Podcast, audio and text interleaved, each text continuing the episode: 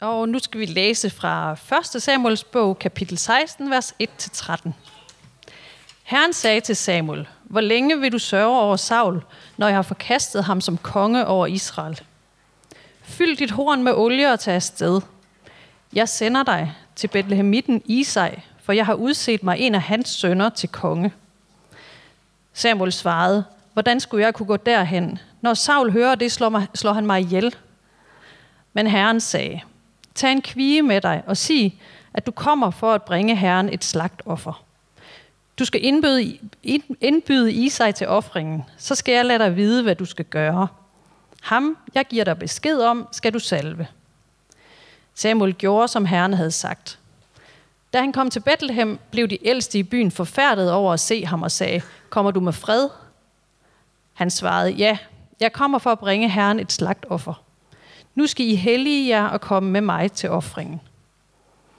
Selv helligede han Isai og hans sønner og indbød dem til offringen. Da de kom, og han så Eliab, tænkte han, her står Herren salvede foran Herren. Men Herren sagde til Samuel, se ikke på hans udseende og højde. Ham forkaster jeg, for det drejer sig ikke om det, mennesker ser på. Mennesker ser på det, de har for deres øjne, men Herren ser på hjertet. Så kaldte Isai på Abinadab og førte ham frem for Samuel. Men han sagde, det er heller ikke ham, Herren har udvalgt. Så førte Isai Shammah frem. Men han sagde, det er heller ikke ham, Herren har udvalgt. Isai førte sine syv sønner frem for Samuel. Men Samuel sagde til ham, Herren har ikke udvalgt nogen af dem. Samuel spurgte nu Isai, er det alle dine drenge? Han svarede, der mangler endnu den yngste. Han er ude at vogte for. Samuel sagde til Isai, send bud efter ham. Vi sætter os ikke til bords, før han kommer. Så sendte Isai bud efter ham. Han var rødmosset, og desuden havde han kønne øjne og så godt ud. Og Herren sagde til ham, ham skal du salve, for ham er det. Samuel tog da hornet med olien og salvede ham, mens hans brødre var til stede. Og fra den dag greb Herrens ånd David. Så brød Samuel op og gik til Rama.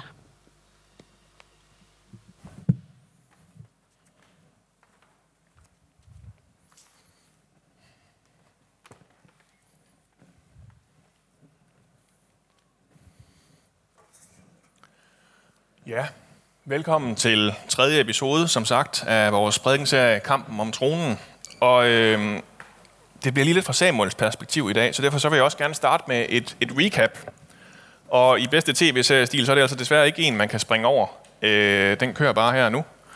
Fordi vi simpelthen bare lige sprunget et par, par saftige kapitler over, som er fulde af blod og vold og alt muligt andet godt. Og det synes jeg simpelthen ikke skal snydes for, hvis I ikke lige har fået læst med derhjemme. Øh, det, er, det er virkelig nogle vilde beretninger, vi har her i Samuels børn. Det er sådan, at når der en gang imellem er nogen, der tænker, nu laver vi lige en tv-serie over det, fordi det er, det, fakt, det er der faktisk nok action til, man kan, så, så, så holder den altid kun en enkelt sæson, fordi så, så synes de kristne, det er alt for forfærdeligt, at man bare beskriver, hvad der faktisk foregår i Bibelen. Og alle de andre kan ikke helt forstå, at de skal se bibelfilm. Øh, så det, det, desværre er den ikke ordentligt blevet filmatiseret endnu, og I må nøjes med min genfortælling af den her i stedet for. Vi startede jo historien, vores prædikenserie i kapitel 8, øh, hvor Israel kommer og vil have en konge. Og de er jo blevet så moderne, de der konger. Det har alle de andre folk. Det kunne de også godt tænke sig. Og det bliver de så modvilligt fået af, øh, af både Samuel, profeten og Gud. Og ret hurtigt så får de så fundet Saul, som vi så hørte om sidste søndag, øh, som lige bliver øh, kidnappet en dag. Han var ude på tur til lige at spise det her lækre lårstykke og lige få noget olie over hovedet. Og så er han egentlig bare øh, blevet konge nu, selvom han egentlig bare troede, han skulle ud og lede efter fars bortkommende æsler, så han ikke blev sur. Og øh, Sauls primære kvalifikation, står der, det er, at han er høj og flot. Flot, høj og flot fyr, det kan man godt bruge. Sådan en virkelig høj fyr, så må han være en god konge. Og så når vi så til det her hul. Der er lige nogle kapitler, vi ikke får dækket i prædiknerne nu. Og øh, dem får I lige hurtigt nu her. Fordi selvom Saul, han teknisk set er salvet, så skal han også lige vælges foran hele folket. De skal lige alle sammen være med på den. Og det foregår så med en meget, meget avanceret lodtrækning, hvor man bliver ved med at pege på et stamme ad gangen og så videre, og en familie, og familien bliver så til en mand og så videre. Og den ender hver gang med at lande på Saul, den her lodtrækning. Øh, og så er det ligesom, yes, nu er vi alle sammen med på det, nu er Saul også vores konge. Men selvom han så nu både er blevet salvet og valgt til konge, jamen så er han faktisk stadig ikke lige sådan helt bløde konge nu. Man skal stadig lige fortjene det. Så næste kapitel, Så står Saul egentlig stadig ude og, og pløjer og har gang i okserne der. Og så kommer der besked af, om at øh, byen Jabesh er blevet omringet af de onde ammonitter. Og ammonitterne, de siger, jamen vi kan godt slippe jer fri, vi skal bare lige stikke højre øje ud på jer alle sammen. Jeg læste det først som øre, og jeg tænkte, det var da okay, det kan da ikke være så vandørende. Men, men højre øje ud på jer alle sammen, og så må I gerne slippe fri. Og det bliver Saul jo så, så forfærdet over, at han spontant skærer sine okser i stykker, og så sender ud til alle de israelitiske stammer og siger, hvis I ikke kommer med i den her krig, så gør jeg også det her ved jer. Øh, og så dukker der ellers 330.000 israelitter op, og vil gerne med i den her krig, og tæver ammonitterne noget så grundigt sønder sammen. Og så er Saul ligesom også blevet rigtig konge nu, fordi nu har han ikke bare øh, blevet salvet og valgt, nu har han også demonstreret, at han faktisk godt kan finde ud af det her med at lede folket i krig. Og så tror profeten Samuel ellers, at nu kan han endelig få sit otium. Nu kan han endelig komme ud og spille noget golf igen. Så han holder sin afskedstale og prøver lige at få slået nogle ting på plads en sidste gang om, hvad det er for en historie, israelitterne har, hvordan Gud han har sørget for dem gang på gang, og hvad for noget det også kræver af dem. Hvad for et liv de er nødt til at leve nu, som Guds udvalgte folk. Og så slutter han så lige af med lige at sende et tordenvejr og ødelægge årets høst. Øh, bare lige understrege, at det der med at ikke have andre konger end Gud, det er altså lidt vigtigt, at de gør det. Og så lover han så ellers, som det sidste, at selvom han går på pension nu, så skal han nok blive videre for dem. Øh, og så tager man ellers fornemmelsen af, at nu tror Samuel, nu kan han endelig få lov at holde fri. Men så går det hverken værre eller bedre end, at Sauls søn, Jonathan, han lige kommer til at slå en filisterguvernør ihjel. Øh, og så bliver Israels her alligevel lidt nervøs for den her noget større og noget mere velbevæbnede filister her, der har jernvåben modsat dem. Og så er hele Israel sådan gemt ude i små huler og huller, mens de håber på, at øh, filisterne de bare går igen. Øh, man ved godt, man kommer nok ikke udenom den her konfrontation alligevel til sidst, men der skal jo lige ofres først. Det skal lige være sådan, at Gud er med i krigen også, og folk er renset ordentligt til det. Men profeten Samuel, han dukker simpelthen ikke op. De står der og venter og venter, og den på den syvende dag, så bliver Saul træt af at vente og siger, så kan jeg da også selv starte det offer der. Og lige da han har tændt bålet, jamen så kommer Samuel selvfølgelig.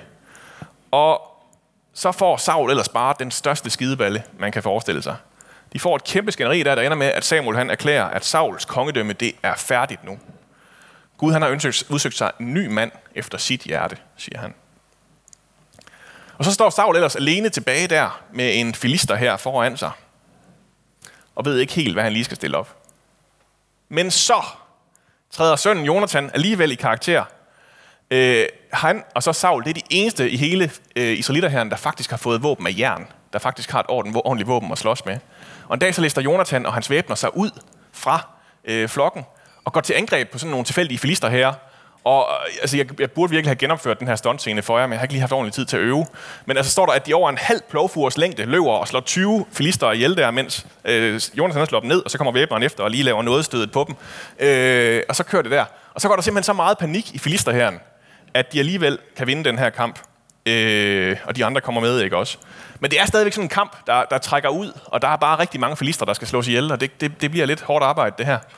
Øh, og øh, derfor så beslutter Saul, at øh, der er simpelthen ikke nogen fra hans her, der må spise, før kampen er vundet. Og det er ikke verdens bedste idé, fordi de bliver ret sultne. Øh, og øh, det ender også med, at Jonathan han står på en mark og tænker, det var da noget lækkert honning det her, det spiser jeg da lige. Øh, og så er det løfte ligesom brudt, øh, og prøver at få andre til at gøre det. Og det er så det, de har det efterfølgende retsopgør for. Der var nogen, der har spist i dag. Hvem er det, der har spist? Og selv om det er min søn Jonas, han siger Saul, så skal han dø. Og det var det jo så. Og øh, så trækker Saul ellers sværet frem og er klar til det, men så siger folket, nej, nej, du må ikke slå Jonathan ihjel, han er krigshelten her, det kan vi ikke undvære, ham kan vi ikke undvære. Og, og, og køber ham fri fra hans egen far, så han ikke bliver slået ihjel. Og så får vi ellers nogle år, hvor kongedømmet bliver nogenlunde stabiliseret, og Saul han fører faktisk en nogenlunde succesfuld krig mod sådan fem omgivende nabolande på én gang. Øh, ja, men så kommer vi så til, at øh, det er virkelig lang langt recap her, men der, der sker så sygt mange ting, øh, at, at Samuel lige prøver en enkelt gang mere, om han kan tale Saul øh, til fornuftig nu. Øh, og derfor så øh, beslutter Samuel, og det er lidt uklart præcis, hvordan sådan noget lige foregår, men han siger i hvert fald, at Gud nu siger, at han skal gå i krig mod det ondeste folk af dem alle sammen, nemlig amalekitterne. Øh, og Saul han tager jo krigen, men han følger ikke helt reglerne, fordi han synes, at alt det bedste, de har, det vil han egentlig gerne beholde selv, så det ligger han ikke band på, som han ellers blev bedt om. Og tænker også, at, at den onde, onde Amalekiterkonge, kong Agag, han kunne da være et meget sejt gissel at have. Så ham slår han ikke ihjel, som det ellers var planen, han skulle. Øh, og så må Samuel Anders endnu en gang sådan selv møde op, den her sådan 80 år gamle mand efterhånden, forestiller jeg mig. Og så egenhændigt slå ham her, kong Agag, ihjel øh, foran Saul. Øh, og Saul han er sådan helt griber fat i Samuels kappe og står meget, meget ynkeligt tilbage. Og det er så der, vi kommer ind i dag. Gamle, skuffede Samuel, der drager rundt i landet og bringer dårlig stemning, hvor end han går. Fordi der er ikke nogen, der er i tvivl om, at han er en gudsmand, og han kan nogle vilde ting og sådan noget. Øh, har gjort en masse store ting for landet, og vi er meget taknemmelige for ham og sådan nogle ting. Men han er altså blevet rimelig crazy på sine gamle dage. Det er ikke lige en, man skal sørge for at komme alt for tæt på, fordi man ved aldrig, hvem han så beslutter, der skal dø. Og ja, som jeg skrev på Facebook op til det, så er han sådan lidt den her øh, gamle actionheld, der starter med at sige hver gang, I'm too old for this shit. Og, og alligevel sådan, øh, kæmper sig igennem, ikke også? Øh, han, han, han har den her sådan Danny Glover, Clint Eastwood feel. Øh, den eneste mand tilbage, som nu skal holde hele Israel fast, ikke også på, har brugt hele sit liv på det her, holde hele Israel fast på, at det var altså den eneste sande Gud, de tilhørte. Og nu kan han simpelthen ikke ret meget længere. Han er simpelthen for gammelt. Han har gjort det længere, end han egentlig, det egentlig var en god idé. Det er egentlig duet at sætte en gammel mand til den her kæmpe store opgave. Og vi er faktisk også der nu, hvor Samuel selv er gået hen og blevet lidt red ved det nu. Det har han ellers sådan holdt, holdt godt skjult, haft rimelig godt styr på, når han har stået der og skældt kong Saul ud. Men, men han ved også godt, at nu har han gjort det nok til, at hvis der lige pludselig er en efterretningstjeneste, der får fat i ham, så ender han sit liv på et eller andet black site, Øh, så, så kommer han ikke... Altså, han har så meget majestætsfornærmelse, så mange øh, lige i lasten, så mange mennesker, han har fornærmet, at det kan meget, meget hurtigt gå galt for Samuel. Så selv de folk, der møder ham i dag, de bliver sådan øh, bange og starter med at spørge, altså, kommer, kommer du med fred? Øh, fordi det er bare det rygte, der går om Samuel nu. Han er lidt af en bad news øh, mand. Der kommer uro med, hvor han kommer hen. Øh, men øh, Samuel, han, han lader bare som ingenting og siger, jeg er bare kommet for at ofre, og øh, I kommer bare med til, til selskabet her. Så er der festlig offring for hele familien senere. Og så ved han jo, at det er en af den her gamle landmand, Bethlehemitten Isais sønner, det skal være, der skal være den nye konge. Det har han fået at vide af Gud inden. Han ved ikke hvem. Og så følger ellers den her scene med hele paraden, ikke også? Hvor øh, først kommer den ældste, og det vil jo være super oplagt, at det var den ældste. Og vi ved jo fra kong Saul, at det vigtigste for en konge, det er, at han er høj. Og ham her, han var også høj, så det vil passe så fint. Øh, men nej, siger Gud, det er ikke ham. Det kræver mere end bare, at han er høj og flot. Og så må Eliab ellers give pladsen til Abidan, Ab, Abinadab. Ah, du gjorde det bedre, Birgitte. Øh, og så må, så må Abinadab lade den gå videre til Shammar, og så bliver selv Bibelen faktisk træt af at nævne mær- mærkelige navne her. Og så siger den bare, og så var der nogle flere sønner også. øh, og da vi så er kommet alle syv igennem, så må Samuel spørge, om han ikke har glemt nogen. Og jo, Isak han har da ikke lige tænkt på, at han er hans aller yngste søn, som jeg forestiller mig har været sådan en, en 13-14-årig knægt på det her tidspunkt, han var lige ude og vogt for, og det, det var selvfølgelig også øh, noget, men faren havde slet ikke lige forestillet sig. Det var simpelthen fuldstændig usandsynligt for ham, at det der med lige at være konge, det var lige noget, han ville være særlig egnet til. Det er sådan lidt rallet i enden af sønnerækken, ikke også? Man ved godt, den yngste, han kan ikke, han kan ikke så meget andet end at smile og sige, sige sjove ting. Øh, så det kunne da godt nok ikke... Ja, det har man da svært ved at forestille sig, at det kunne være relevant, når der skal findes en ny konge af Israel. Men det var det så. Øh, og så havde han heldigvis også lige kønne øjne og at rødmoset. Selvom han nok godt kunne have været lidt højere, hvis han sådan skulle have levet op til standarderne.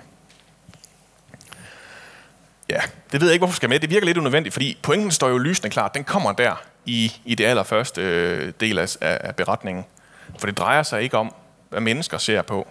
Mennesker ser på det, de har for deres øjne, men Herren ser på hjertet. Mennesker ser på det, de har for deres øjne, men Herren ser på hjertet. Så var der heldigvis også lige lidt til os mennesker, så vi ikke bare behøvede at være investeret for det smukke hjerte. Og så kan Samuel ellers gå hjem igen. Gå hjem til Rama.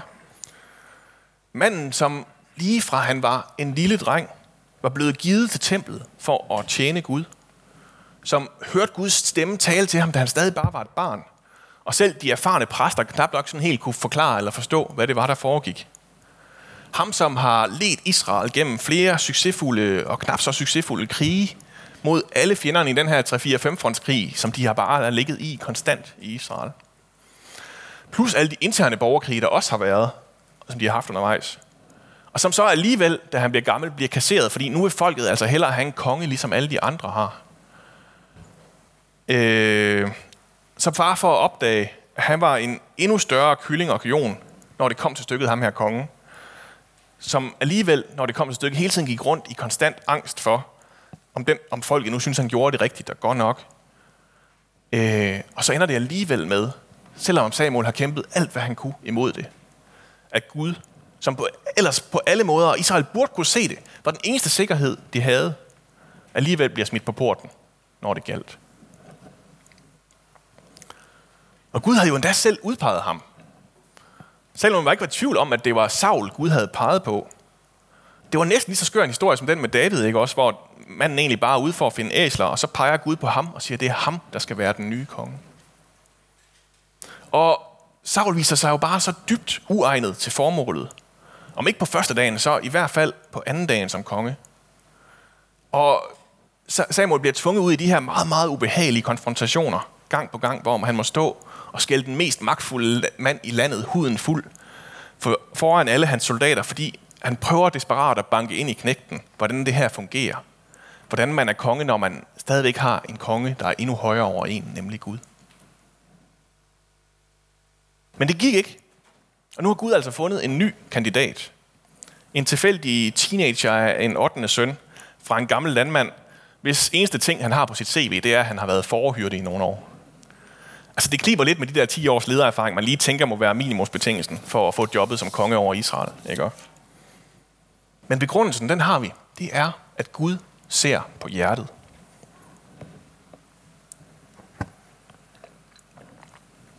Og hvad betyder det så, at Gud ser på hjertet? Det opdager Samuel ikke nødvendigvis så meget af, fordi på det tidspunkt så er han død og borte, inden det afslører sig. Men, men i virkeligheden så viser det sig jo ret hurtigt, at David er en næsten lige så stor idiot som Saul. Og Samuels sønner i øvrigt. Jeg tænker, David, altså nu, jeg tænker, han har et selvbillede og kvindesyn som Nasser Carter. Altså, øh, han, han er, er krigsleder ligesom en amerikansk præsident, øh, og så har han den der slags forældreevner, hvor de fleste af ens sønner, de tænker, at de hellere må slå deres far ihjel. Altså, der er bare så mange ting, der taler imod. Der er ikke ret mange moderne standarder, som får os til at vurdere, at der var et specielt godt hjerte i ham her, manden David. Det kan nok nogle bibelske standarder. Jeg tror ikke, han ville komme til at, at bestå på en af Paulus' lister over, hvad der kræves af en leder. Han vil være særdeles uegnet. Og så bliver han jo stadig valgt til det her kongedømme, som Gud grundlæggende er imod. Som man faktisk nærmest kun kan fejle i. Både fordi, at, at magten korrumperer, og man nærmest uundgåeligt kommer derhen, hvor man ikke længere kan skelne mellem, at man tjener folket, eller om folket tjener en. De næste par søndage, så kommer vi øh, til at følge Davids oprørskrig. Og det, der går det faktisk okay. Der formår, formår han egentlig nogenlunde at holde sin sti ren. Men når han så faktisk kommer til magten, når han skal til at effektuere det her kup og slippe af med den tidligere kongeslægt, så kan man selvfølgelig ikke undgå at få beskidte hænder af det. Og derfor så går der ikke ret lang tid som konge, inden han fuldstændig mister en hver fornemmelse af menneskelig anstændighed og kaster sig over kvinden Batseba der, som han synes ser lækker ud, og får derefter slået hendes mand ihjel, da koveroppet det ikke lige lykkes. Og det er altså den fremtid, som Samuel nu overdrager ansvaret for den her, på det her tidspunkt bare sådan rødmosede knægt, som godt kan lide at spille guitar. Det er ham, der får at vide, at nu skal han være konge af Israel og få styr på det her. Jeg er egentlig mest fascineret af manden Samuel her i det her, ikke også? Og det er jo ikke nødvendigt, fordi at han selv heller er nogen skoledreng. Det der tordenvejr, han lige skulle ødelægge høsten med, det, det, det synes jeg virkede unødvendigt. Han har altså simpelthen også noget temperament og nogle ting, der går galt for ham en gang imellem. Men hvordan i alverden undgår han at miste troen på det her projekt? Det her vanvittige projekt at være Guds eget folk, midt imellem trusler fra alle sider. Ikke mindst alle dem, der kommer inden fra dem selv. Nu er han selv, Samuel, blevet forkastet af folket. Nu er han blevet sat til at finde en ny konge, som Gud selv har udpeget. Så nærmest inden, inden han allerede har valgt, inden han øh, viser sig at være dybt uegnet til formålet med Saul der. Og, og så tænker man, Nå, men så virker det nok med den næste. Den nye 14-årige knægt, han kan jo nok godt finde ud af at være konge. Og det ved jeg heller ikke helt, om Samuel tror på. Men jeg tror, at Samuel han alligevel har formået at holde fast i én ting hele vejen igennem. En ting, som Saul nok har glemt. Samuel han ved, at han ikke har andet valg. Han er nødt til at lade Gud være Gud, så han kan få lov til at være menneske. Nødt til at stole på, at det er Guds planer, der holder, selvom de godt nok har virket en smule vilkårlige på det sidste. Og selvom han har prøvet at pensionere sig selv lidt tidligere, så er der stadig en opgave tilbage til ham. En opgave, han stadigvæk tager på sig. Han vil bede for folket stadigvæk. Og den bøn, den tror jeg måske ikke bare, han beder for folkets skyld. For der er jo altid to veje, bøn går. Han beder den også for sin egen skyld. Han er nødt til at gøre det, fordi det er det bedste redskab, vi har til noget, som vi simpelthen har så svært ved at finde ud af som mennesker. Og give slip på kontrollen. Og måske så er det også det, som Gud har set, når han har set på Davids hjerte. Det her hjerte, som Gud kunne se noget andet i. Fordi selvom David han på alle måder bare er den største idiot, når drifterne de melder sig, så vender han altid tilbage. Klynger sig altid desperat til den Gud, der kan det, han ikke selv kan. I hans poesi i salmernes bog, der kan man læse om hans trosliv. Hvordan han gang på gang skriger til den Gud, der kan redde ham.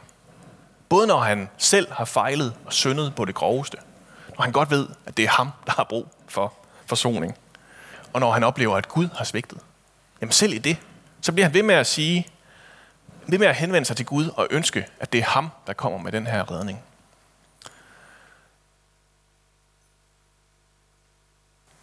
Selvom han synes uendelig langt vægt, selvom han gør fuldstændig uforståelige ting, så kan Samuels gode ven David ikke andet end at række ud til Gud. Og det gør han ud af en dybfølt erfaring af, at der simpelthen ikke er andet at gøre. At selvom det kan føles fjernt og dumt og meningsløst, og han ikke oplever, at der kommer svar, så er det alligevel stadigvæk den eneste mulighed, der er for ham. Den eneste mulighed, han kan holde til i længden. Den eneste mulighed, man ikke dør af. Før eller siden på den ene eller den anden måde. Så nu må Samuel prøve, selvom det er uendeligt svært for ham, at læne hovedet tilbage og endnu en gang stole på, at det Gud har gang i, det giver mening. Selvom det ikke gik sidst. Selvom det er mod erfaringen. Selvom der måske bliver brug for ham igen lige om lidt.